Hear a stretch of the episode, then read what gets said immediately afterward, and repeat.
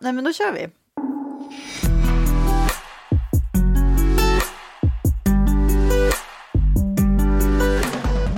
Hej och välkommen till Känslosmart, podden där tanken möter känslan. Det här är Maria-Pia Gottberg och idag ska vi inte bara möta känslan förstås, utan vi ska också möta Maria Berghäll. Varmt välkommen! Tack så jättemycket! Ja, vad härligt att du är här. Du ska alldeles strax få berätta vem du är, men jag ska bara nämna att du är här med anledning av att du har skrivit en bok som heter Empatiministeriet, som jag inte har läst och som jag är väldigt nyfiken på eh, att höra mer om. Så därför har jag tänkt att vi ska ägna en stund tillsammans. Men innan vi fördjupar oss i vad boken handlar om och vad du vill med den och så, ska mm. du få berätta vem du är Oj. och vad du gör. De här klassiska ja. frågorna. Ja, den här frågan den dök upp i en annan podd nyligen också. Det är, så, det är så spännande hur man ska liksom beskriva sig själv. Eh, sist så var, så, så var det faktiskt så att vi tog in en kompis som fick beskriva mig. Eh, Katrin som har känt mig i nästan 20 år. Och jag, jag tar med mig hennes fina ord för att jag beskrivs tydligen då som en väldigt liksom, varm och väldigt omtänksam människa som alltid liksom är väldigt påhittig och har nära till liksom skratt och bus. Eh, och jag fick också höra att jag då är väldigt duktig på att komma på lekar och överraskningar till mina kompisars barn. Så det betyder också att jag är väldigt barnkär. Ehm, jag själv håller ju med om de här grejerna och är jätteglad att liksom de sidorna av mig har kommit igenom till, till mina vänner och, ehm, och även till människor som liksom träffar mig sådär vet, när man är ute och föreläser eller träffar mig någon gång. Jag själv skulle säga att jag har vuxit jättemycket som människa de sista tio åren. Och det är ju tur att man växer. Så jag är alltså Maria Berghäll, en väldigt varm och öppen människa som är väldigt nyfiken av mig skulle jag säga. Vad underbart! Vilken smart idé att låna det som någon annan säger. Just det där, för att många känner att just, just det där att berätta om sig själv, vad ska man säga? Då, ofta glider man ju väldigt mycket in på vad man gör. Ja. Det har jag märkt, alltså alltid så, ja men jag jobbar med och jag gör det här och så. Mm. Eh, det är ju det är vi, ett sätt att gömma sig bakom ja, liksom det. vi är så mycket mer än, än liksom titlar och, och det vi gör liksom för att liksom, ja, antingen för att vi har en väldigt stor passion för vårt jobb eller för att vi liksom ja, men har blivit duktiga på det eller bara vill faktiskt försörja oss så finns det så mycket mer bakom mm. den titeln. Liksom. Mm. Men om man så här, om, om det skulle vara titeltvång, vad skulle, man, vad skulle du ha för titel då? Oj, vad roligt att du titeltvångar mig. Två väldigt svåra ord att säga tillsammans. Eh, nej, men i, i min bok då, Empatiministeriet, så har jag försökt att liksom plocka bort titlar. Men om man måste sätta titlar på mig så är jag då en, eh, ja, men en, en föreläsare och en debutantförfattare som, eh, som också jobbar med entreprenörskap och innovationskraft på dagarna som projektledare då på Ung Företagsamhet. Jag hörde ju faktiskt uh, talas om dig långt, många, många år innan jag träffade dig. Och det var via min dotter som gick året under dig i gymnasiet. Ja, just ja, det. precis. Uh, och du, där var ju du med i ett gäng. Um, ja, berätta kort själv vad, vad, ja. vad ni gjorde, vad ni vann och det här. På gymnasiet då, sista året på gymnasiet så drev jag och några kompisar ett UF-företag eh, som hette See Me UF och vår affärsidé var att eh, designa mjukmaterialsreflexer med olika humör. Och så hade vi då så här, oavsett vilket humör du är på ska du alltid känna dig säker i trafiken. Det var liksom våran, ja men pitch men också värdering. Och sen så la vi då på när produkterna kom med de här olika humören. Vi hade glad, kär, sprallig, arg. Och eh, då sa vi till oss själva att men föräldrar är ju alltid de som tjatar om trafiksäkerhet. Sätt på reflex, sätt på reflex. Och man tycker att de är så töntiga och man vill inte ha på sig dem. Så det försökte vi då göra dem lite mer liksom relatable, så här coola, lite häftiga och någonting som barn och ungdomar vill ha på sig. Och då var ju då, det här är alltså början av emoji-symbolernas era. Eh, när man hängde på alla föregångare från Facebook och, och så och började använda de här. Um, och de slog ju jättebra ut på marknaden. Och då åkte vi också ut till låg och mellanstadieskolor och informerade om trafiksäkerhet. Då sa min mamma så ja men typ som Televinken var. Jag bara, vem är det? Men sen så kom jag på att så här, just det, men det var den lilla saken, lilla, en liten docka tycka och det var, ja okej, sak samma. Men eh, så det blev våran affärsidé. Att, att både då informera och inspirera till trafiksäkerhet med en egen designad eh, produkt då. Mm. En produktutveckling på någonting som redan fanns. Och ni vann väl hela klubbet? Det blir ju en tävling ja, bland de här UF-företagen. Ja, då. Ung vi, företagsamhet. Precis. ja, precis. Ja, så vi mm. vann i Sverige och fick sen åka och representera Sverige i Europamästerskapet och vann över 32 stycken länder och tog hem ett EM-guld till Sverige. Och Sverige har tagit guld två gånger på 40 år. Ja, det är så coolt. Ja. ja. och allt det där imponerade jättemycket på mig. Eh, men det som jag verkligen eh, tyckte var grejen här, det var ju att ni använder av känslor på reflexerna.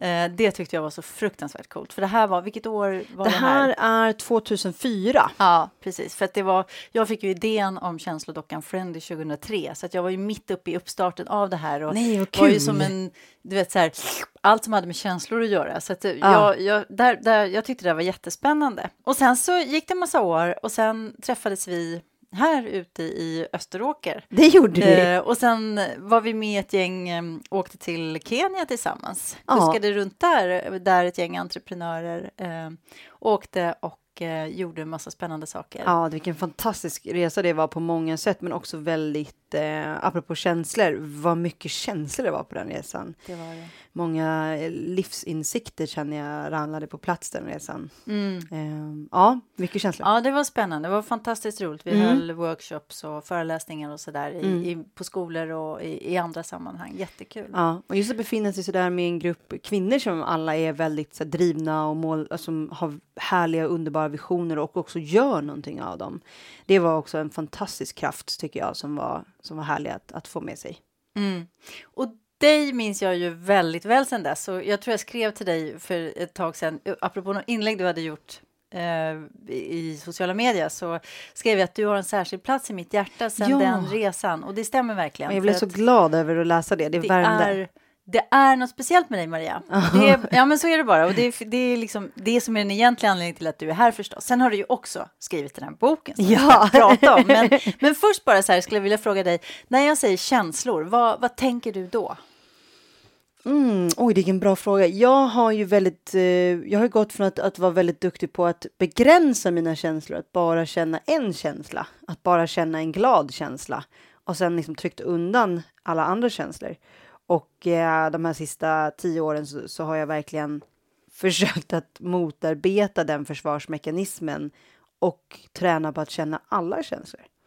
Eh, och det har ju, det, så när du säger känslor, då, då går min hjärna till så här, att träna på att våga visa alla känslor. Mm. Coolt. Mm. Mm. Spännande. Mm. Mm. Ja, men vi lär väl prata lite om känslor. Ja. ja, men berätta nu då. Den här boken, Empatiministeriet, som kom för ungefär ett år sedan, eller hur? Mm, ja, men exakt. Precis. Bara några veckor är det ett år sedan exakt. Mm. För, det, för jag tänker så här, Empatiministeriet, det är ju ett ganska kaxigt namn. Liksom. Ja. det är ju rätt så här, ja men here I come liksom.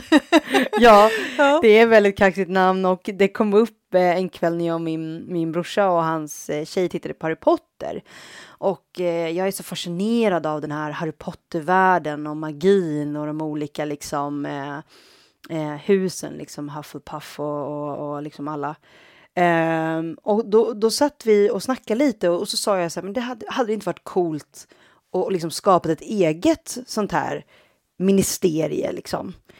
Och Jason, min brorsa, bara, jo, ja, ja men alltså, alltså ja, typ, och jag bara så fylla med typ coola människor eh, som vill samma sak. Typ om man vill jobba med medmänsklighet.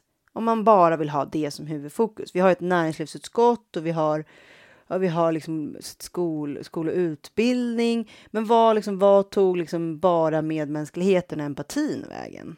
Bara människor som jobbar med det. Så det skulle typ kunna heta typ empatiministeriet. Och därifrån är det då. Eh, och sen började ju den där idén gro i mig.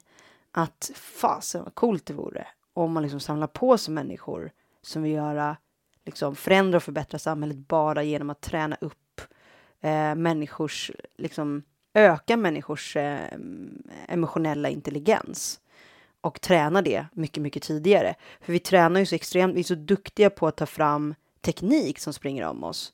Och människan, vi är ju så otroligt smarta, men, men nu har ju vi tagit fram vi är ju den eran nu att där vi har tagit fram så mycket AI-teknik som, som är så mycket bättre än oss på väldigt mycket, väldigt mycket. Köra bil, operera hjärtan, eh, utbilda i skolor, ta hand om äldre. Eh, I Japan är det så att 80% av den vuxna befolkningen vill hellre bli omhändertagna av en AI-robot än av en människa. De vill? De vill. Det? Ja. Mm. Och eh, den första... Vet man varför? Nej, man, man vet, ja, ja, det vet man säkert, men jag har inte riktigt grottat ner mig i den forskningen så mycket än. Men, men jag lärde mig det, läste lite artiklar och sen så tog det också upp på Teknikmagasin, eller på Tekniska museet i Stockholm, som hade en utställning som hette Människan och roboten. Um, och den första humanoida roboten har ju också fått eget personnummer i Dubai. Så den, den liksom kvinnliga humanoida roboten med namn Sofia hon fick för några år sedan då eget personnummer i Dubai. Och genom att hon fick det så fick hon mer rättigheter än kvinnorna i landet. Mänskliga kvinnan. Och då börjar jag så här, det här är ju helt sjukt. Vi har teknik och liksom AI som har mer rättigheter än oss kvinnor som redan lever på jorden. Ja, nu måste vi ju in med de liksom känslomässiga och etiska och emotionella liksom, samtalen, dialogerna och de är mer viktiga än någonsin. Vi människor tror jag då kommer att, det kommer vara våran uppercut mot tekniken, mot AI i framtiden. För de kommer ju bara bli smartare och smartare. De, de håller på att försöka utveckla så att robotar kan känna känslor, de kan tolka känslor men de vill också kunna att de själva ska Precis, kunna känna de här känslorna. Ja. Så de kan tolka om du är arg eller ledsen eller glad mm. eller kär. Men nu är då tanken att så här, vad är nästa steg? Att liksom få dem att känna de här känslorna själv. Mm. Men, men den där utvecklingen då, har de gjort så att eh, att, de, att robotarna har lärt sig att läsa av ansiktsuttryck och så misstänker jag för att kunna lära sig tolka Precis. känslor. Exakt. Men vet du någonting om, om eh, jag är inte särskilt, eller jag är inte alls påläst på det här området, men kan de, går det att lura de här robotarna, vet du något om det? Ja, de, de, de, man kan ju lura dem för att de har ju fortfarande inte kommit så pass långt vad jag har förstått. Jag har eh, också, jag har intervjuat massa olika robot, eh, eller massa, jag har intervjuat två olika robotforskare och sen läst på väldigt mycket just på research på boken. Men det är ju enligt, eh, enligt forskarna är vi fortfarande liksom i den här nivån att ja, det händer mycket, men det är fortfarande mycket kvar. Och eh, enligt allmänheten så går det ju liksom snabbare än någonsin. Ehm, en annan eh, forskare som vi har i Sverige som är uppe, um, eh, uppe vid Umeå universitet, hon är, jag tror att hon är influgen från USA, börjar jobba i Sverige och är jättehögt uppskattad inom eh, AI-forskningsdelen och det är för att hon har nischat in sig just på känslorna. Just att så här, är det verkligen säkert att robotar ska ha känslor och hur smarta ska de bli där egentligen? Och där kommer då de etiska delarna in. Eh, vad händer om en robot kan känna känslor? Och då kopplar man det då till olika diskussioner och dialoger i samhället. När robotarna börjat liksom jobba i branscher där vi jobbar idag. Men vad har de för rättigheter då? Vad har vi för rättigheter? Och så vidare och så vidare. Alltså jag blir helt yr när du pratar om det här. Det, det är så svindlande tankar liksom att det går knappt att ta in innebörden av den här framtiden som, ja men som du säger, alltså det, man upplever att det snurrar fort, går fortare och fortare och fortare. Och att vi under vår livstid kommer att uppleva att robotarna kommer mer och mer in i och integreras i vårt samhälle på olika ja, sätt. Gud ja, vi har ju redan väldigt många mm. runt omkring oss, även om de inte liksom visar eller kan känna känslor än. Vi har ju våra smartphones, vi har de självkörande bilarna, vi har Google Home, vi har smart homes, vi har kylskåp som kan säga vad som saknas inne i kylskåpen när du är på ICA och säga att du behöver handla det här. Ehm, så det finns väldigt mycket som underlättar vårt, vårt liv, men dialogen här nu är ju nästa steg och det är ju då om de blir smartare och smartare, kommer till en superintelligent robot, en super-AI liksom, ehm, kommer den då att ifrågasätta hur vi människor har betett oss mot föregångarna. Och eh, ordet robot är ju också, betyder ju också slav. Mm. Det visste inte jag. Ehm, så det blir ju också så här eh, lite, lite olika tankar här och det är det som olika forskare då har börjat diskutera. Men vad spännande. Ja, okej. Men är det här som är liksom huvudtemat i din bok? Det var eller är det det som- ett inslag? Ja, det, det, det var bra att du frågade. Ehm, ehm, det var liksom här mina tankar började när jag jobbade med ABB och fick träffa väldigt kunniga människor inom det här. De är jätteduktiga på nanoteknik och AI. Och jag, började, jag kände mig, precis som du känner det nu, så här att oh my god, jag får svindel. Och det var precis så det var efter jag hade pratat med en, en, eh, en nanoforskare där första gången. Att så här, jag tror att jag tappade hakan så många gånger att jag till slut kände att det är lika bra att jag har öppen mun hela tiden nu. För att, Ja, men vad lustigt att du säger det, jag kände verkligen nu när du pratade för någon minut sedan att, att hakan, det är, bara, det är någonting man faktiskt gör Ja. ibland. ja, Jag, men jag har nog aldrig varit med om det så påtagligt som nu. jag kände väl typ att jag kan nog ha min mun öppen nu för att han, vad han än säger nu så eh, kommer bara min haka längre och längre ner. Och efter det samtalet, då kände jag så här, nej, nu måste jag skriva empatiministeriet. För att nu är det såna, jag upplevde att det var såna klyftor mellan AI-tekniken och våra emotionella, eh, vår emotionella utveckling.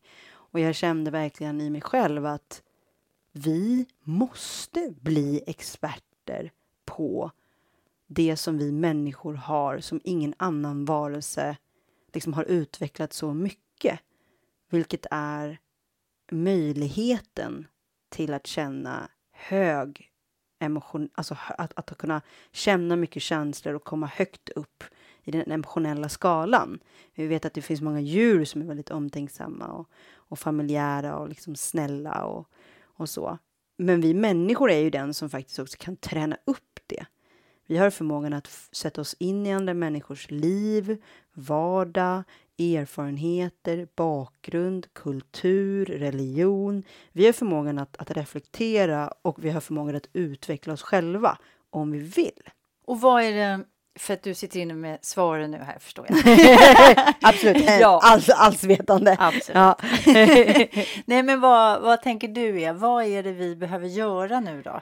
Eh, i, rent så här, konkret för att inte bli omsprungna av robotar eller att hamna i en sits där, ja, men där, ja, jag vet inte, utan att liksom göra någon slags skräckscenario. Men, det- men det är ganska lätt hä- hänt liksom att man går in i den tankefåran att oj, vad händer med oss människor om robotarna tar över? Ja, jag har ställt mig den frågan många gånger under det här, sist, liksom, både tiden jag skrev boken Empatiministeriet och även efter att jag släppte den.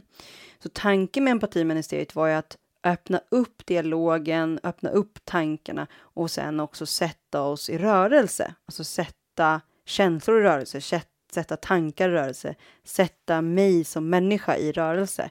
Att bli utmanad i mitt eget liv, stort som smått. Så i varje kapitel i empatiministeriet så finns det ju övningar som ska liksom få dig som person att växa och känna dig utmanad. Och sen får du själv välja i vilken nivå och hur snabbt de här utmaningarna ska göras. Hur kan en sån utmaning vara formulerad? Ja, det kan vara till exempel, ja, men till exempel det här med titel. Det är en av de första utmaningarna som kommer och då är det jag och Per Holknekt som diskuterar och pratar om eh, titlar och affärsvärlden och att den är ganska, varit ganska hård och att man är väldigt fokuserad på de här titlarna. Och att om du inte har en viss titel så kanske du inte får en viss typ av respekt. Och han är ju en entreprenör och människa som har liksom mm, ja, men gått, som han beskrev det själv, han har gått från botten till toppen till toppen till botten några gånger i sitt liv och ändå liksom fortsatt eh, utveckla sig själv. Och Då, vad den utmaningen handlar om så här, om du absolut inte får använda att beskriva dig själv med en titel nästa gång du är på en middag eller en fest eller en företagsevent eller en fika eller en promenad med någon så får du absolut nästa gång du ska liksom berätta om dig själv för någon som inte känner dig eller som ja, en kompis kompis så får du inte använda jag jobbar med det här, jag gör det här utan du måste beskriva dig själv utifrån kanske andra egenskaper. Liksom. Mm. Så. Mm.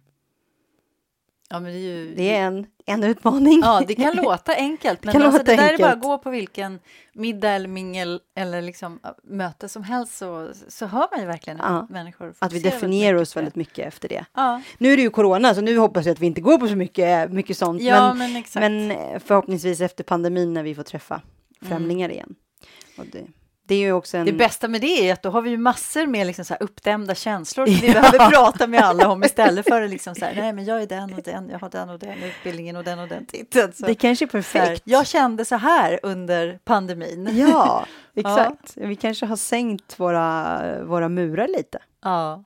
Ja, men förhoppningsvis så, eller jag är, jag är rätt övertygad om att det händer saker med oss nu som faktiskt eh, kommer leda till någonting gott, även om det kanske inte alltid känns så nu Mm. under pandemin eller, eller liksom det här klimathotet och allting. Men, men jag, jag tänker lite grann att vi har en möjlighet att få liksom backa lite, reflektera, lyssna lite mer inåt för att det blir bruset har i bästa fall liksom tystnat lite och Mm. man är inte hela tiden på språng iväg, på, Mm. på väg liksom någonstans. Mm, jag håller helt med. Så det är bara att hoppas på och eh, ja, men själv försöka vara en del av det. Som, Mm. som jag tänker så här, det är vi just nu genom att prata om känslor kopplat till liksom vår, vår samtid och vår framtid. För det är det som det handlar om väldigt mycket. Verkligen. Mm, jag håller helt med. Och i boken finns ju också en annan utmaning och, som är då just, nu är det lite svårt då, men, men att det här med att försöka förstå en annan människas situation eh, som kanske har en helt annan bakgrund än en själv eller har en helt annan religion än sig själv.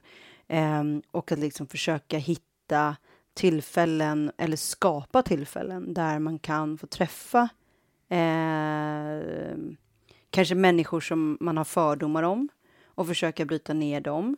Eller bjuda in typ en främling på middag eller du vet sådana saker.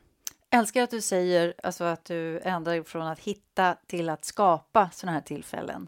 För jag tror att vi är många som har gömt oss bakom det här. Nej, men jag känner ju ingen som eller nej, men det jag, nej, men här där jag bor eller på min arbetsplats finns det ingen från den religionen eller från det landet eller någon som ja, men ser annorlunda ut än, jag eller är en annan ålder eller ett annat kön eller vad det nu är liksom Precis. för eh, det här som är det andra så att säga. Ja, Eh, utan det är verkligen någonting som vi behöver skapa och det kan vara det kan verkligen vara en utmaning. det jag. är en utmaning. Man kan titta på normskalan, så kan man titta vad som ingår i den och så kan man försöka hitta alla motsatser och se också så här, har jag, har jag en mångfald i mitt umgänge?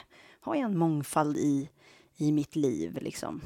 Mm. Så det behöver inte vara att man kastar upp alla vänskaper, utan man säger, ja, men jag har min klick, men jag skulle också kunna kanske försöka göra någonting annorlunda. Mm, mm. Ja, men för det är ju onekligen väldigt berikande också, alltså, verkligen för en själv också. Så det är inte så här att man bara eh, gör det för någon annan, utan man faktiskt också, det är det som är det fina med just empati och medkänsla.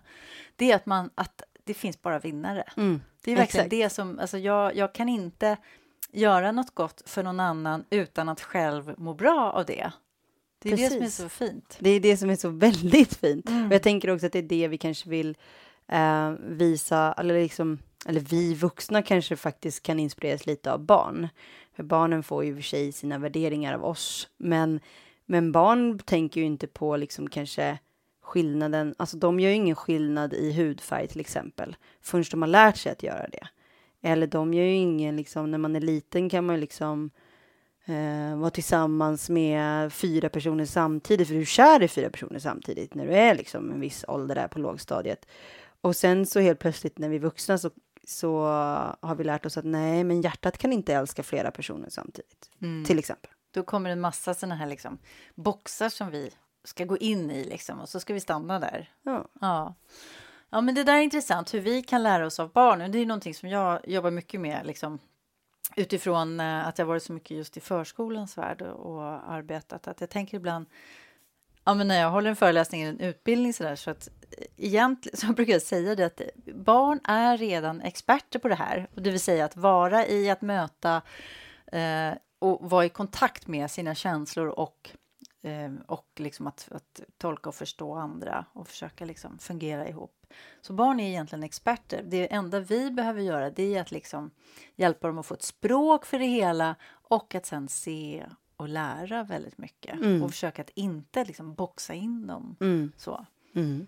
Mm. Ja, vi kan lära oss mycket av dem. Framförallt om man tittar också på World Economic Forum kom ut med en, en artikel för, för ett år sedan som var ehm, um, väldigt, alltså en väldigt omfattande studie där man hade då kartlagt vad, vad behöver våra framtida företag och organisationer för typ av människor? Vilka, vilka är framtidens medarbetare? Och där står ju till exempel kreativitet, nyfikenhet, innovationskraft, eh, förmågan att kommunicera och, och liksom emotionell intelligens väldigt högt upp. Det är liksom topp fem. Mm. Eh, och det är ju någonting som barnen är jättebra på. Ja, de alltså det är ju det är någonting som vi kommer liksom förprogrammerade med, Mm. tänker jag. Och, och så brukar man ibland säga lite skämtsamt säga att ja, och sen börjar de i skolan och blir förstörda. Ja. Och, det, och det är sånt där rått skämt som är, för att vi kan skratta åt det, men det är, ah, det är verkligen, det ligger väldigt mycket i det, tänker jag. Ja. Och utan liksom att, och det handlar inte om att kritisera skolan, utan det är Nej. ett system. Liksom. Det är ett system. Sen Ja. det finns fantastiskt många skolor som, som, eh, men som är modiga och vågar testa nytt och testa nytt, att undervisa på nya sätt, att förändra pedagogiken, att liksom utnyttja barnens, eh, eller förlåt, ta tillvara barnens kreativitet och nyfikenhet och liksom hitta kanske verktyg och metoder som liksom bara kan stimulera det ännu mer. Eh, så jag tror att, jag tror att sk- många skolor har nog förstått värdet av att våga vara lite mer innovativa också. Ja, men absolut, absolut. Ja, men det händer någonting. Vi är ju mitt i liksom det här brytet. Det är verkligen, och det är, det är en väldigt spännande tid vi lever i. Väldigt spännande Och tid. så, speciellt nu när, man, när det börjar komma så här, eh, forskning som pekar på att vi skulle kunna leva väldigt, väldigt länge. Då tänker jag så här, först kan jag vara lite, men varför ska vi leva så himla länge? Liksom så. Det, alltså, men, men nu händer det så mycket spännande saker så jag bara så här, ja men jag vill också vara med. Jag vill vara en sån som lever 150 år eller 350 år. Oh my god, 350 år! Ja, ja, då har det nog hänt hur mycket som helst. Ja, eller hur? Det har ju det.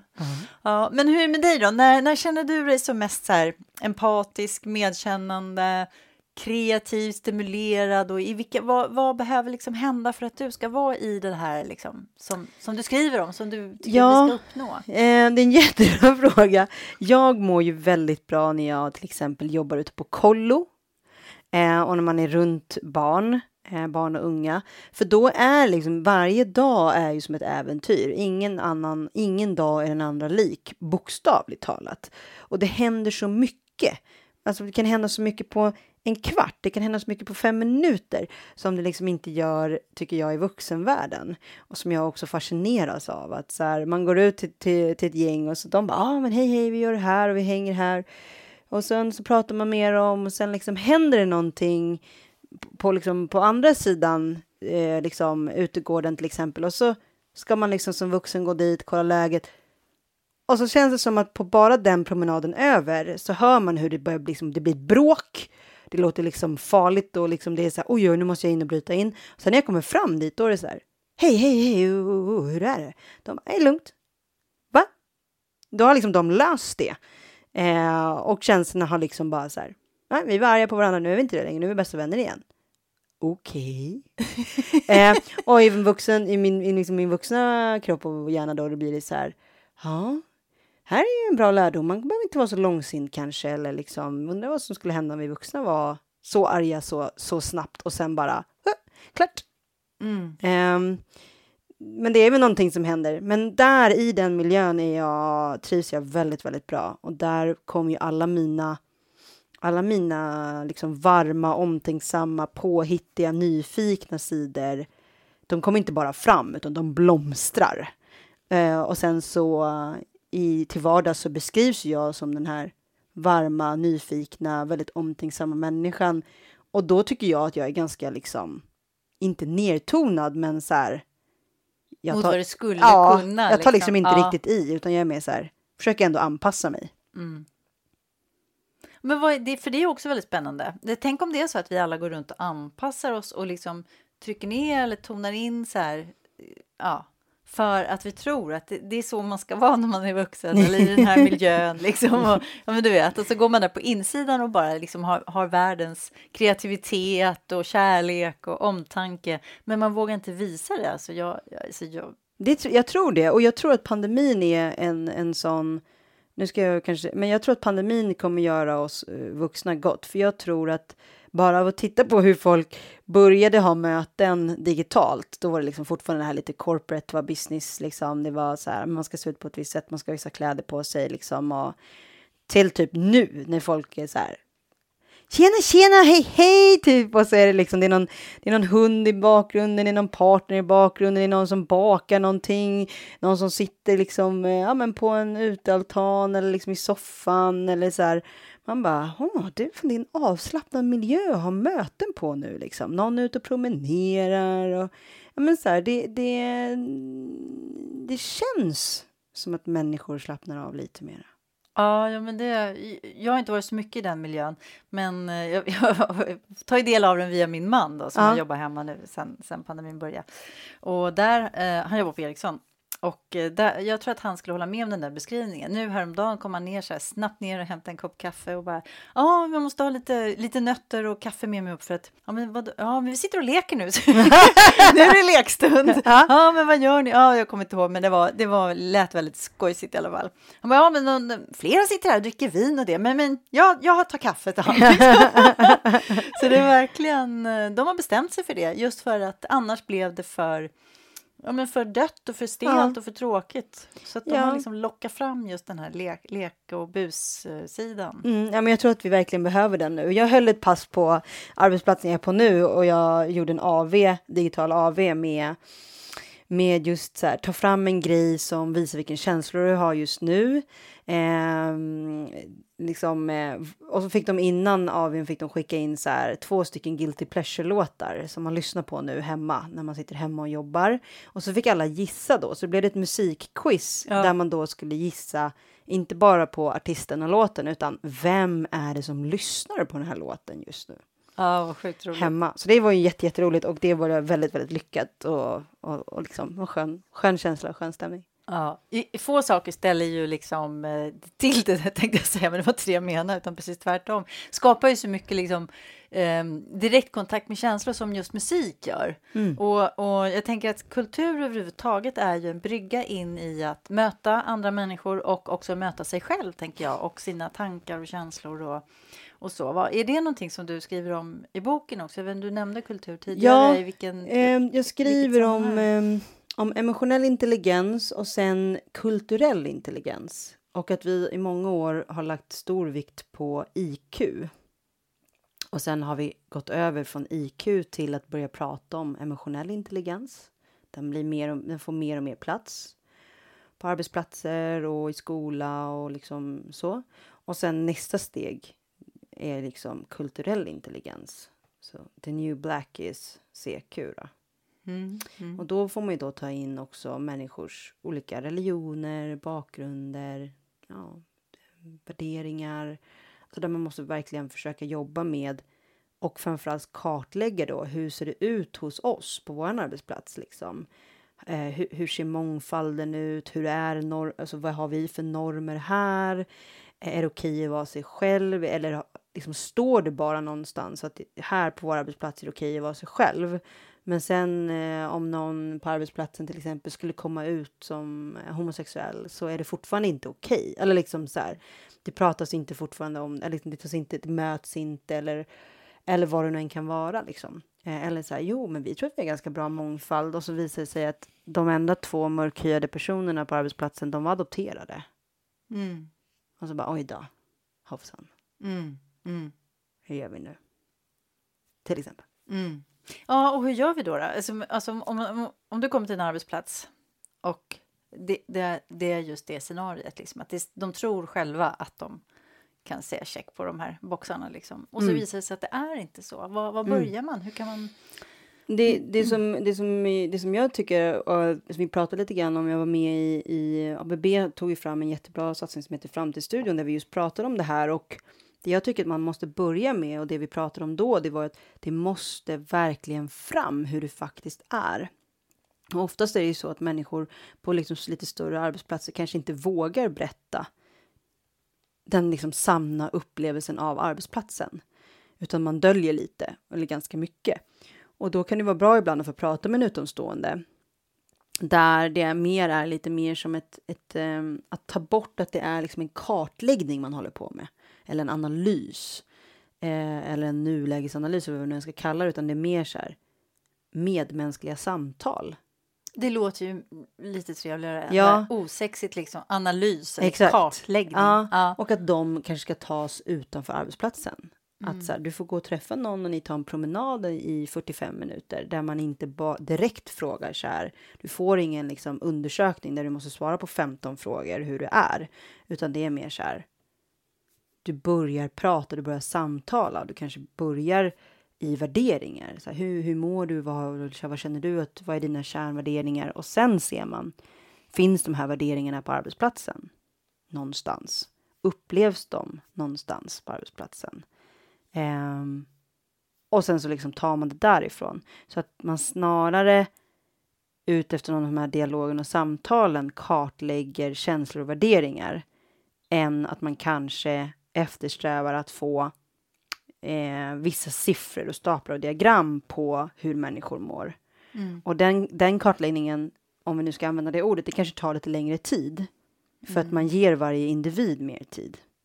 Men det kanske är bättre i längden. Ja, för tänker jag att det inte bara ska bli ytterligare en i högen av sådana här typer av analyser och kartläggningar där ah, been there, done that. Alltså, Ja. ja. nu, nu är ny ledning, nu ska det göras någon ny grej här liksom. Nu ska de Exakt. profilera sig. Utan här, här låter det som att det är verkligen... Men det är klart, eh, det tar tid. Och Det tar hur, tid. Hur är det då?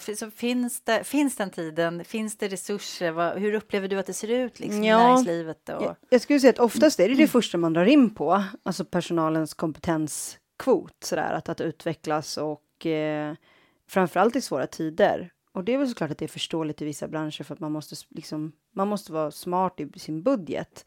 Men ibland den där smartheten i budgeten kan ju kanske också vara det som stjälper den i längden. För vi vet ju ändå att bolag byggs av oss, alltså av alla människor som är i det. Och om man bygger hållbara och välmående individer så kommer företaget också att bli det. Eh, sen såklart så kan det ju hända liksom, hög, högkonjunktur och lågkonjunktur på marknaden liksom rent ekonomiskt. Men, men har vi människor som mår bra så, så tror jag ju, det är ju min filosofi att, att eh, då går det ju också bättre för bolagen. Mm. Och jag tänker också att det här är någonting som alltså, ska upp också på politiska agendan på ett helt annat sätt än vad det, gör, vad det görs här i Sverige och så.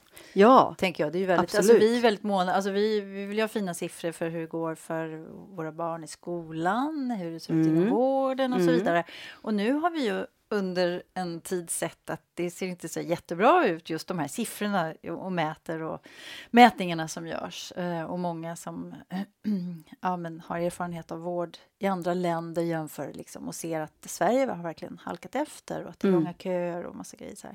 Eh, Så, så det är ju en, en sak, men det, det hänger ju väldigt mycket ihop med... Alltså vi, det är ju det är lätt att få ont någonstans i kroppen om man mår dåligt på insidan, i själen. Liksom, om, man, om man har det trassligt med känslolivet och med relationer och allt det där. Alltså, Det är ju Mm. väl känt att det är lätt att det utvecklas till sjukdomar. Ja. Eller att man söker för det som gör ont i kroppen när det kanske är, är på Inåt vi behöver insidan. titta. Ja, Ja. Precis. Och där tänker jag att det behövs en, en politisk agenda som pratar om det här. Jag tänker Gud, på ja. som man har gjort i Nya Zeeland. Där. Precis, jag satt precis Ja. och tänkte på det. Nya Zeeland är en klockren förebild för andra länder. En kvinnlig ledare, eh, där, där, vad heter hon, Arsen? Där, ja, jag, kommer, jag kan aldrig uttala hennes Nej, ord på en gång. Men hon är, helt, och, eh, hon är ju liksom, jag tycker att hon har gjort väldigt mycket bra saker och just att ändra de här mätningarna, att inte bara mäta landets ekonomiska förutsättningar utan mäta faktiskt hur landets medborgare mår. Den är ju riktigt, riktigt bra. Ja, men det, det, det skickar vi ut till våra politiker. Ja. Titta lite mer på det. Titta lite mer på Och det. sen läs empatiministeriet. Ja, det får ni jättegärna göra och eh, framförallt eh, det de ledarna som har läst den eh, har, fått, har börjat ramla in lite feedback nu och det är ju verkligen så att den är ju, eh, den är ju väldigt eh, lekfull, eh, säger människor. Den lockar fram en lekfullhet och en, en vilja av att utvecklas. Eh, och det är många som känner också att det finns en härlig balans mellan humor och nya teorier och modeller. Eh, så det är ju jätte, jättekul att få höra det och, och att det är en bra, en bra present till eh, medarbetare. Ja, men verkligen. Jag tänker det borde vara ett litet här bokpaket med känslosmart och empatiministeriet. Alltså, Ja, i samma utan att ha paket. läst boken så bara, jag bara känner att de, de kompletterar varandra väl. Jag, ska, jag, jag måste ju bara läsa den. Ja, Eh, gör det. Var en, en läsare som, jag, som skrev till mig sa att jag var fast vid första meningen, alltså innan ens boken hade börjat, alltså när man öppnar upp boken och det Ah. står liksom första meningen, jag vet inte om det heter ingress, det kan det säkert göra, eh, men det är liksom eh, en hälsning då från mig till läsaren. Och då är det verkligen så här, ah, till dig som känner att det finns mer inom dig än vad, än vad som kommer fram. Mm. Grymt bra. Redan där är man verkligen hooked. Ja. Ja, så ehm, till dig som känner att det verkligen är så. Skaffa dig boken Empatiministeriet av Maria Berghäll. Något mer som du vill skicka med innan vi rundar av? Jag tycker ju att det är eh, väldigt härligt tycker jag just det här i, i pandemin nu att, att många människor har börjat också få lite mer balans och då är det ju framförallt inom vissa branscher men att man har lyckats få mer balans i den här work-life balance och där är ju också empatiministeriet en väldigt bra verktyg att ha med sig i vardagen. Eh, för det är många, det jag har ett kompisgäng som har skrivit ehm, som har, eh, eller jag känner en person i det gänget som har tagit boken och eh, kör eh, bokcirklar av den och, och berättar hur det har gått med de här utmaningarna. Så det blir någon slags metareflektion. Och det är ju... Ja, men det är så bra, med det, liksom, det finns en praktisk koppling till det hela. Så Ja. man, kan, man kan jobba vidare med det. För det, annars Exakt. tycker jag det är ett problem med många böcker, att man får, man får så här sjukt mycket inspiration och sen blir man liksom lämnad ensam att klura, klura ut hur ska jag nu bli så här fantastisk som jag Ja. förstått att man kan vara när man har läst den här boken eller gått den här liksom föreläsningen eller vad det nu är. Ja, Underbart, det Ja. gillar vi, praktiska saker. ja. Och det är för att jag är sån som person, jag lär mig när jag gör grejer. Och Ja. därav de här utmaningarna i boken. Så det ska vara lite så här learning by doing, upplevelsebaserat, det ska vara roligt, man ska kunna utmana varandra. Man ska också kunna prata och reflektera tillsammans. Ja, så roligt. Men då kommer vi också osökt in på nästa avsnitt som du också ska vara med i. Ja, För då ska vi prata om, eh, vad heter det, ta, ta sig över och förbi hinder, tror jag att vi kommer kalla det avsnittet. mm. Eh, därför att du har ju stött på lite eh, hinder, alltså ibland så Gud, kastar ja. ju livet ut saker i ens väg sådär som blir en massa hinder. Ehm, och eh, det kan, vara, det- alltså det kan vara sjukdomar, det kan vara funktionsnedsättningar eller variationer eller liksom en rad andra utmaningar som vi får. Eh, som gör att vi kanske får lite svårare, antingen jämfört med vad vi har klarat tidigare i livet, att det blir svårare under livets gång, eller kanske svårare jämfört med andra också, vissa saker. Eh, så det ska vi fokusera på nästa avsnitt. det ska vi. Ja, för allting går ju faktiskt inte bara väldigt lätt, utan det är många utmaningar längs med vägen. Så det är helt rätt. Där har vi fler känslor. Ja, absolut. Ja, men vad spännande. Det ser vi fram emot. Tack för idag, Maria. Tack så jättemycket för idag.